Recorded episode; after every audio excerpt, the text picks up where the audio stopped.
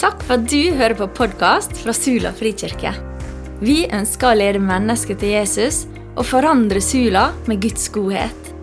Denne talen er spilt inn på en av våre gudstjenester, som er på søndager klokka 11. Vil du vite mer om oss, finner du mer info på Facebook eller på sulafrikirke.no. Du er alltid velkommen til Sula frikirke.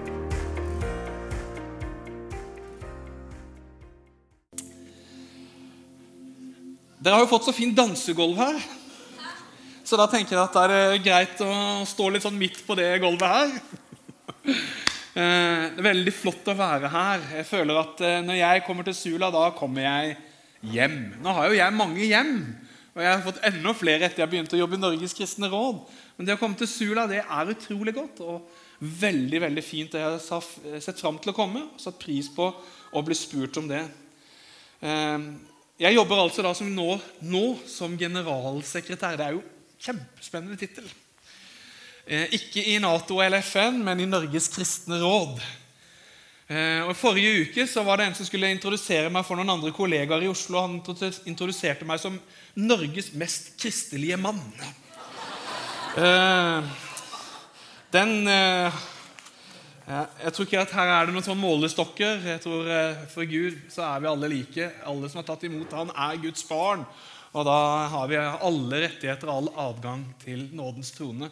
Men å jobbe i Norges kristne råd det kan jo også være veldig spennende. Noe av det første som skjedde i fjor da jeg ble ansatt, det var på vei ned mot Jeg skulle til skjærgårds, skjærgårdsgospel. Så ringer telefonen, så er det en dame på Vestlandet. Og så bruker ganske lang tid på å introdusere seg sjøl. Og jeg lurer mer og mer på hva er det hun vil. Og da var situasjonen det at hun hadde blitt forelska. Og så var hun usikker på om den hun hadde blitt forelska ville være den rette for henne, og nå trengte hun et godt kristent råd. Så eh, denne jobben er eh, mangfoldig. Men for den som lurer på hva er Norges kristne råd, hva er det Erhard jobber med nå, så er Norges kristne råd en paraplyorganisasjon for alle kirkesamfunnene i Norge. I paraplyen til Norges kristne råd så har vi hele bredden. Vi har de ortodokse kirkene, den katolske kirke, vi har Den norske kirke. Og så har vi 15 ulike frikirker, som Frikirka, Pinsevennene, Baptistene, Misjonskirka, Metodistkirka, Oslo Kristne Senter osv. osv. Og det å få jobbe på tvers av alle de, med to hovedoppgaver Den ene kommer jeg litt tilbake til i det jeg skal si om å bringe kirkene sammen i en enhet, en sterk enhet for at verden skal tro på Jesus, det er noe av det mest meningsfulle en kan gjøre. Og det andre å se når vi blir kjent med hverandre og blir trygge på hverandre, så finner vi ut at vi kan gjøre en ganske mange ting kan vi gjøre bedre sammen enn vi kan gjøre de hver for oss. Og da finne ut hvordan kan vi samarbeide og samhandle på en god måte Eh, for kirkene i Norge. Så Det er kort fortalt litt om hva Norges kristne råd gjør. Og så Hvis du har lyst til å vite mer, så kan du gå inn på norgeskristneråd.no. Eller følg oss på Facebook. Da kan dere se litt hva jeg gjør i min hverdag til daglig. Eh, følg oss gjerne på Facebook. Jeg har fått lov til å fortsette i denne taleserien som har fokus nå på hverandre, på dette fellesskapet. Og jeg har fått fokus spørsmål, spørsmål om jeg kan se på hverandre-ordene i Romerbrevet og Hebreerbrevet. Og Jeg har lyst til at vi skal hoppe rett inn i en bibeltekst fra Romerbrevet 12. Og vi skal lese sammen fra vers 9 til innledning. La kjærligheten være oppriktig. Avsky det onde og hold dere til det gode. Elsk hverandre inderlig som søsken. Sett de andre høyere enn dere selv. Vær lunkne, vær ikke lunkne, men ivrige. Vær brennende i ånden, tjen Herren. Vær glade i håpet, tålmodige i motgangen, utholdende i bønnen. Vær med å hjelpe de som lider nød, og legg vind på gjestfrihet. Velsign dem som forfølger dere, velsign og forbann ikke. Gled dere med de glade, og gråt med de som gråter. Hold sammen i enighet. Gjør dere ikke for høye tanker, men hold dere gjerne til det lave, og vær ikke selvkloke. Gjengjeld ikke ondt med ondt. Ha tanke for det som er godt for alle mennesker. Hold fred med alle om det er mulig, så langt det står, det til, står til dere. Ta ikke hevn, mine kjære, men overlat vreden til Gud. For det står skrevet:" Hevnen hører meg til, jeg skal gjengjelde, sier Herren. Men er din fiende sulten, så gi ham mat. Er han tørst, så gi ham å drikke. Gjør du det, samler du glødende kull på hans hode. La ikke det onde overvinne deg, men overvinn det onde med det gode. Hverandreordene som vi finner i Romerbrevet og Hebrebrevet, de understreker Det er ikke veldig mange hverandreord og vers i disse to brevene til Paulus. Men de understreker følgende Elsk hverandre. Og så i den andre kategorien døm ikke hverandre. Og så igjen ta godt imot hverandre. Akkurat som Kristus har tatt imot oss, så skal dere ta imot hverandre. Ha omsorg for hverandre. Oppglød hverandre, står det. Og oppmuntre hverandre. Og så er det ett som jeg tenkte at vi skulle prøve å praktisere her. Det står 'Hils hverandre med hellig kyss'. Men det er jo et uttrykk for at vi bryr oss om hverandre og har en relasjon til hverandre. Nå For jeg lov å jobbe med veldig mye mennesker fra ulike tradisjoner. Når jeg møter grekere i Norge, da kysser de på begge kinn. Eh, så hver gang jeg møter et nytt menneske, så er jeg litt usikker. Skal man håndhilse, eller skal man kysse? Eller hvordan skal man gjøre det? Men et uttrykk for det å bry seg, det å elske, det å komme nær. Hverandreordene i Romerbrevet og Hebreerbrevet, hvis vi helt kort oppsummert ser på de samla, så handler det om to forhold. Det handler om den omsorg og kjærlighet vi skal ha for hverandre. Slik som det står i dagens nøkkelord i Romerbrevet 12,10. Elsk hverandre inderlig som søsken. Sett de andre høyere enn dere selv. Det er, ikke, det er en del TV-programmer som går inn, det, si, inn, og ut like fort. Og noen andre de blir værende ganske lenge. Eh, et slikt TV-program gikk på TV 2 for snart 20 år siden. Det var TV, en TV-programserie med Fridtjof Wilborn som Eh, programleder, og programmet det het 'Mine damer og herrer'. Og I hvert program så hadde Fridtjof Wilbert invitert en gjest til å være med i studio. og Denne gjesten var da hedersgjesten gjennom programmet. Og En av de han inviterte inn i studio, det var Jahn Teigen. Og I salen så satt det en venn av Jahn Teigen som fortalte at han for noen år siden hadde fått kreft av den vanskelige typen. Alt kjente han rota seg til for han. Han ville ikke ha fellesskap med andre. Han tok ikke bryet med å stelle seg. Og En fredag så ringte han Jan og fortalte at han var helt ute å kjøre. Og lurte på om det var noen muligheter for at Jan kunne komme over til ham. Jan på sin side fortalte at han hadde konserter både fredag og lørdag men på søndag så kunne han komme. Mannen la på telefonen nedtrykt, fylt med sorg. Han hadde håpa så sterkt på et besøk akkurat nå. Så gikk det under en time.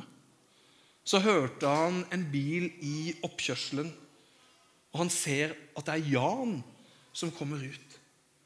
Og så sier han, 'Men hva med konsertene dine, da?' Og så svarer Jan der kommer det flere muligheter. Han hadde rydda plass i sin agenda for en venn som trengte han så mye. I Johannes 13, 35 så står det nesten det samme som i Romerbrevet 12,10. Jesus sier, 'Dere skal elske hverandre.' 'Som jeg har elsket dere, skal dere elske hverandre. Det er jo helt utrolig. Han stiller lista kjempehøyt. Hvor høyt elsker han oss? Hvor høyt elsker Jesus oss? Jo, han elsker oss så mye at han ga avkall på sitt eget, tok på seg en tjenende skikkelse, ble menneskelik.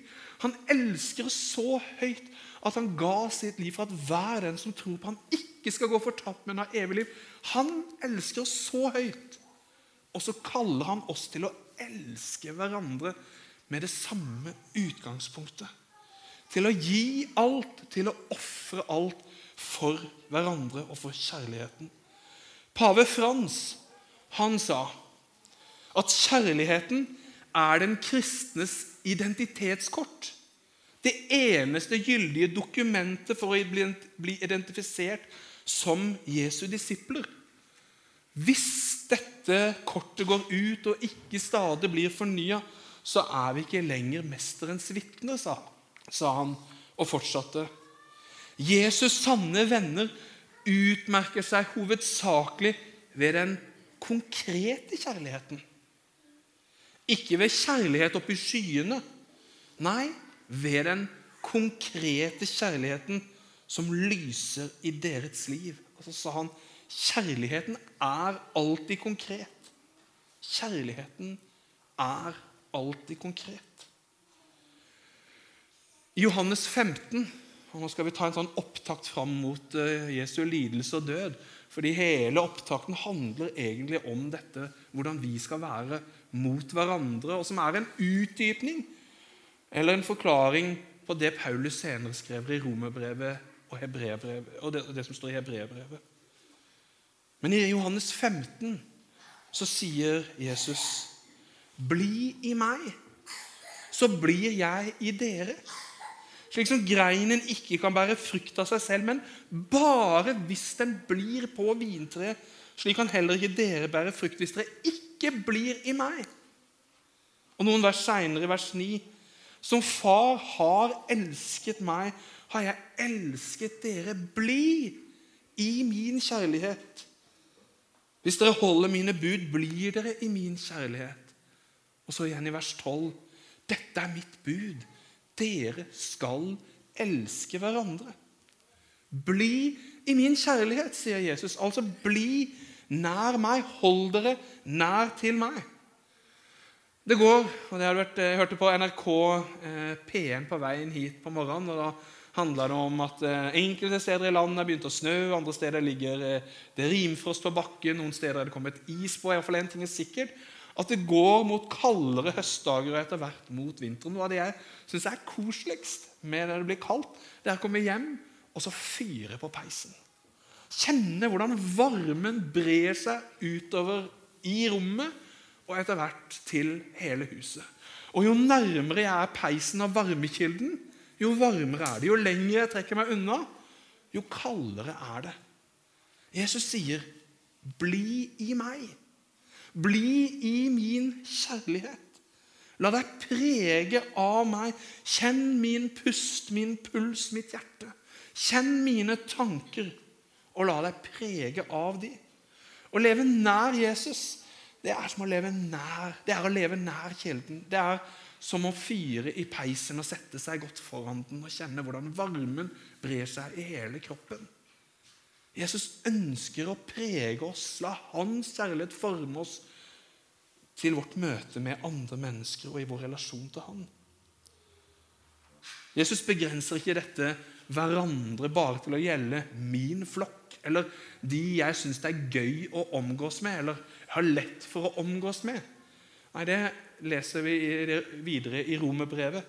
Dette utvides til alle, også de jeg egentlig kjenner at jeg har utfordringer i forhold til og syns det er litt vanskelig å omgås. Det gjelder ikke bare hverandrebegrepet i betydningen Sula, Frikirke og vi som kommer sammen her, og hva vi kan gjøre.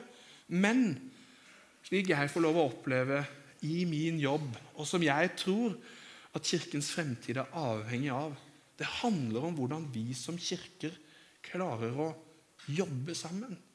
At dette hverandre-begrepet det inkluderer Sula frikirke og alle de andre kirkene. Det fellesskapet som da oppstår, det vil ha en så stor kraft i seg at det kan forandre mennesker og forandre samfunn. Det ser vi mange steder. For Paulus skriver sammen med alle de hellige i Efeserbrevet 3 skal vi bli i stand til å fatte lengden og bredden, høyden og dybden. Ja, kjenne hele Kristi kjærlighet. Det er ikke noe vi kan få til alene, men sammen med alle de hellige så skal vi bli i stand til å fatte det. Høyden, dybden, lengden, bredden. Forstå Kristi kjærlighet. Ja, den er større enn vi kan forstå, men sammen så forstår vi mer. Og Derfor ber også Jesus, når vi sett på Johannes 13 og 15 og så 17, og alle de bygger opp under de samme versene som vi finner i Romerbrevet og Hebreerbrevet om å elske hverandre. For i Romerbrevet 17, nei, i Johannes 17 da er det Jesus' siste bønn, for han skal lide og dø, som han ber. Den som blir kalt den ypperste prestelige bønnen. Og jeg tror at det er en bønn som bes med mye smerte. Men det er også en bønn som da inneholder noe av det viktigste for Jesus å løfte frem.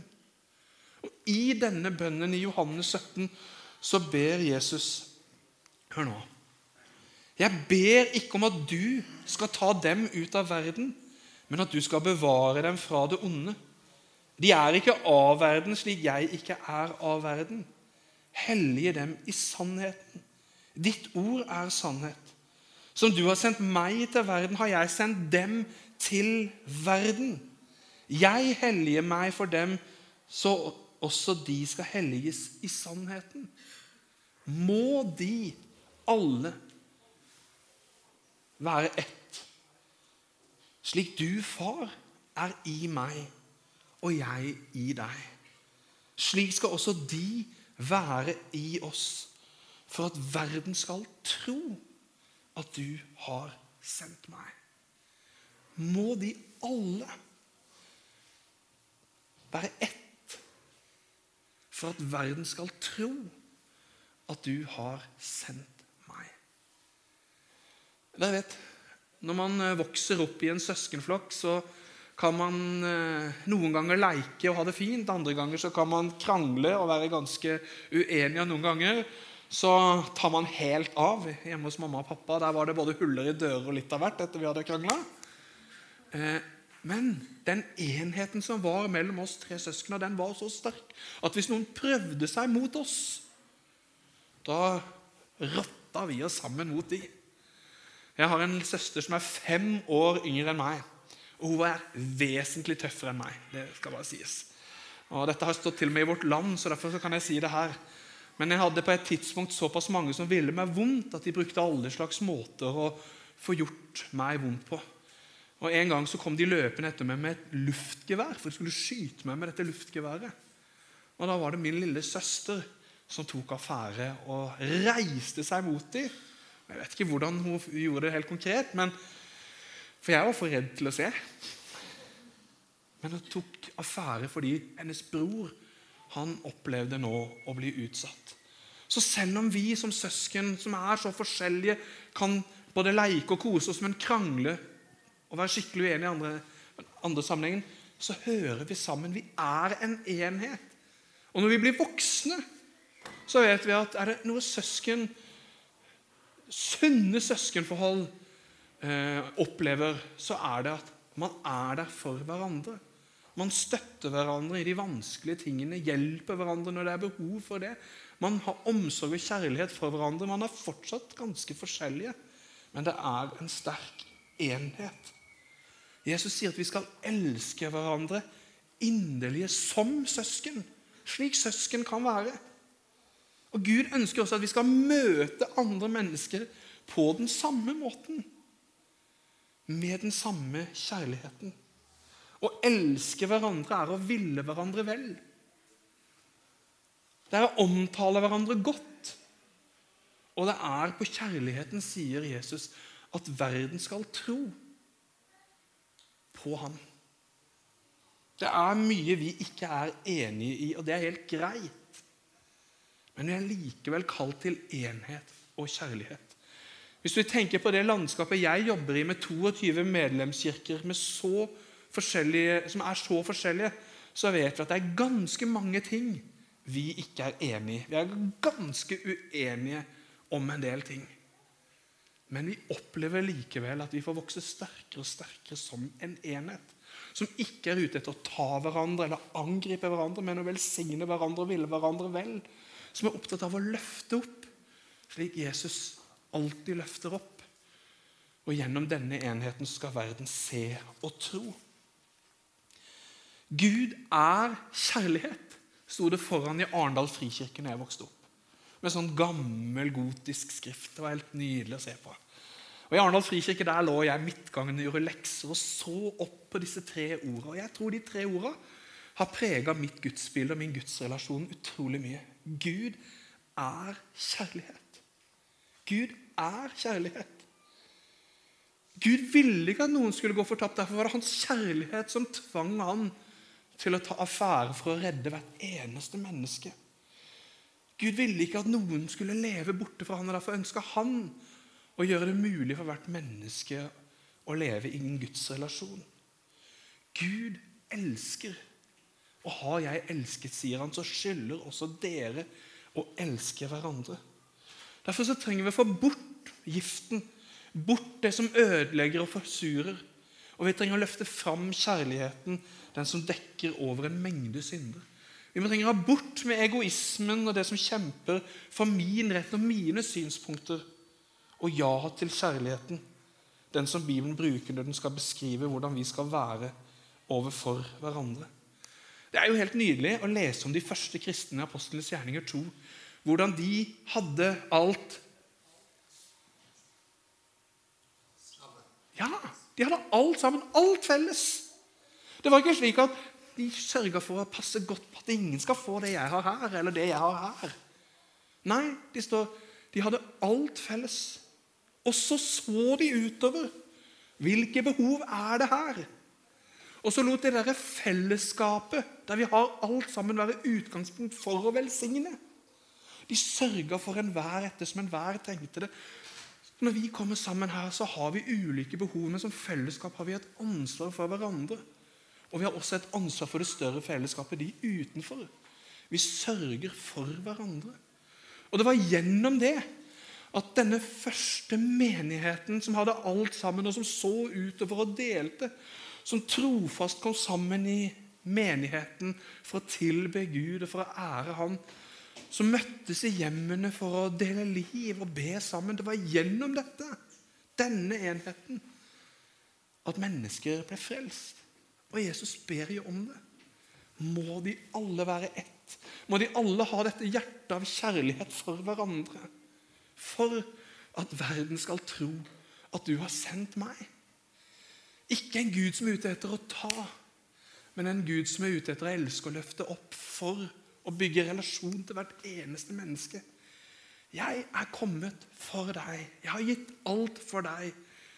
La enheten mellom dere være et eksempel på den enheten jeg har med min far, og den kjærligheten jeg har gitt for dere, slik at mennesker kan tro på meg. Det er en kjærlighet som strekker seg til jordas grenser. Og det er en kjærlighet som vi som kristne har fått et kall til å formidle videre til alle. Har dere fått med dere at det pågår en rettssak i Oslo tinghus denne uka her med en, et medlem av Imi-kirka i Stavanger tiltalt. Arne Viste er tiltalt fordi han har gitt 70 ureturnerbare asylsøkere, eller de som blir kalt for papirløse flyktninger, arbeid.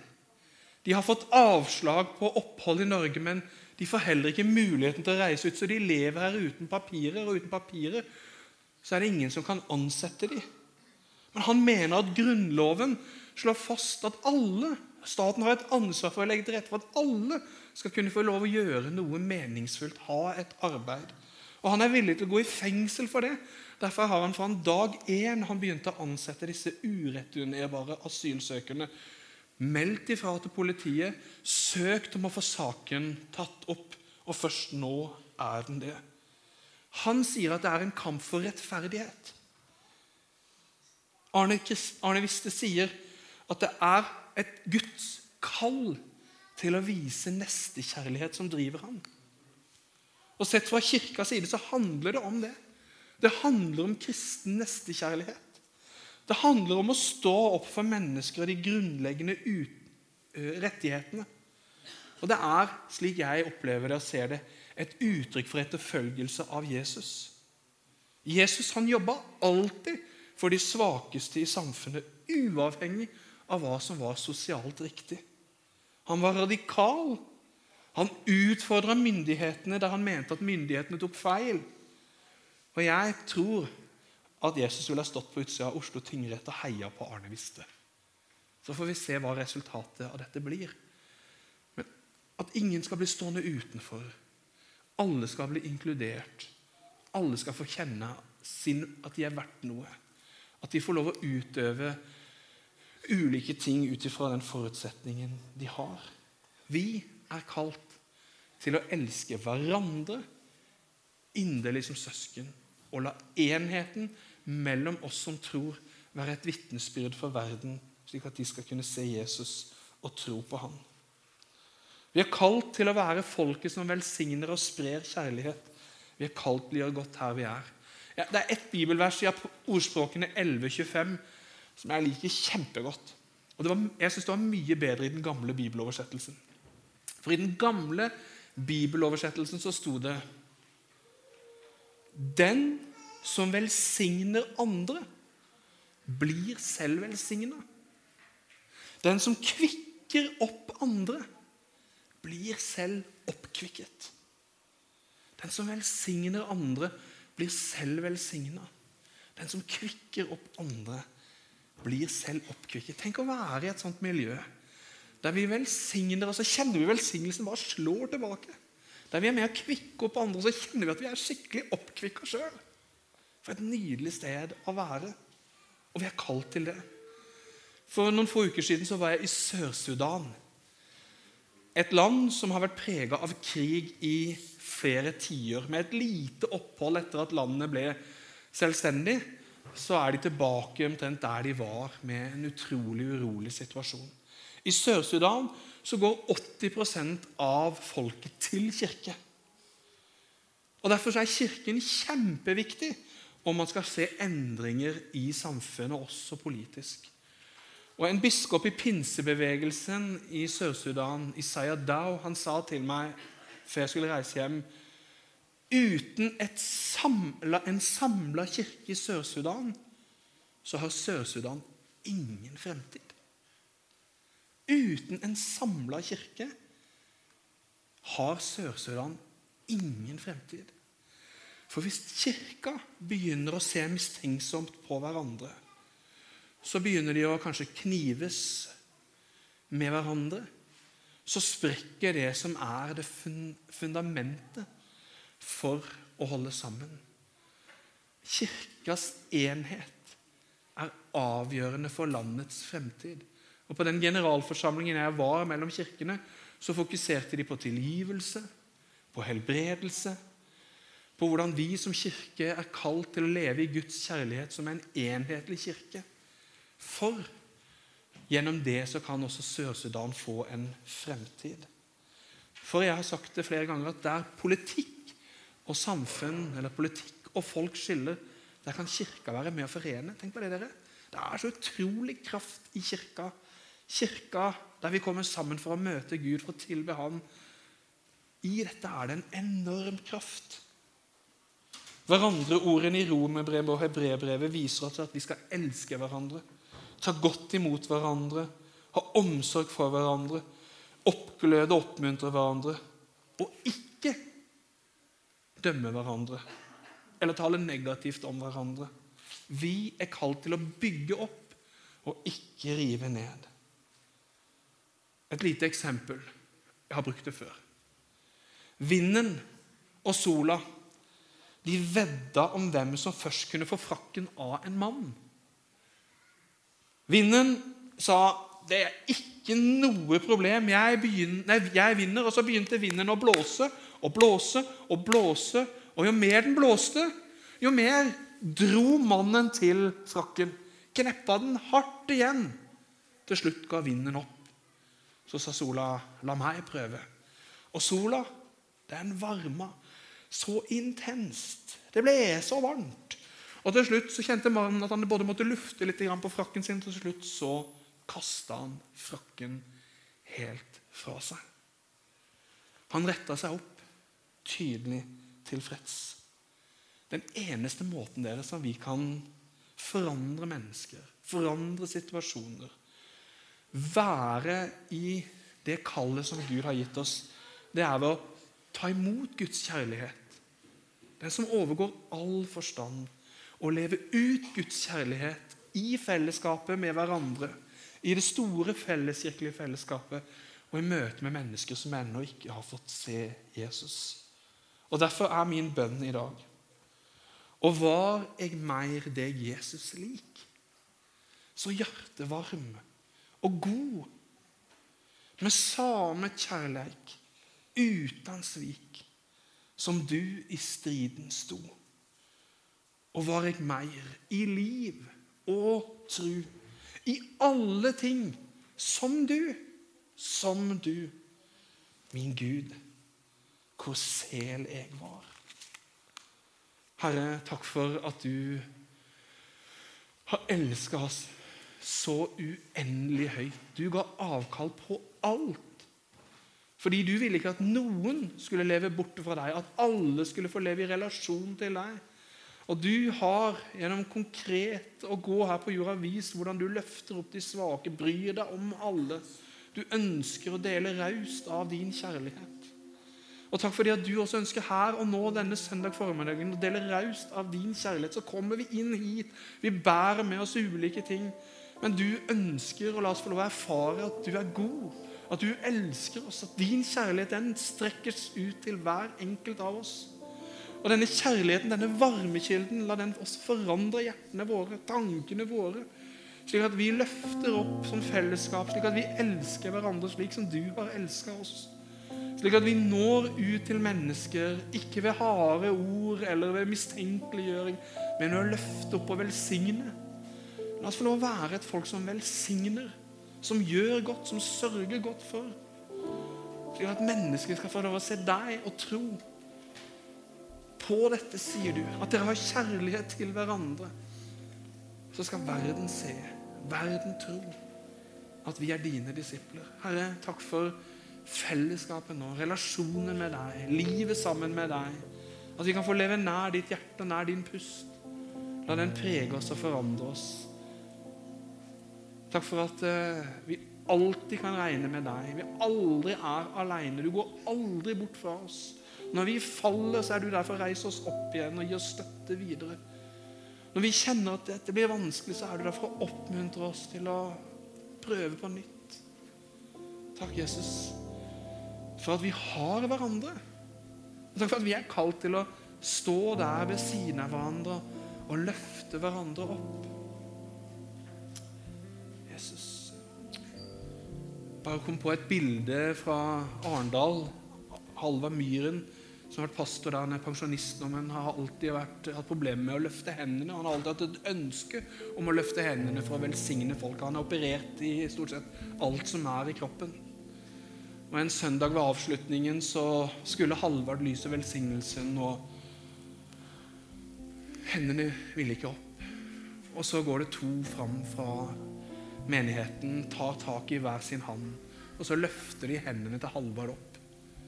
Og så velsigner han menigheten før de skal gå. En menighet som løfter hverandre for at vi kan være til velsignelse. Guds velsignelse være med oss alle.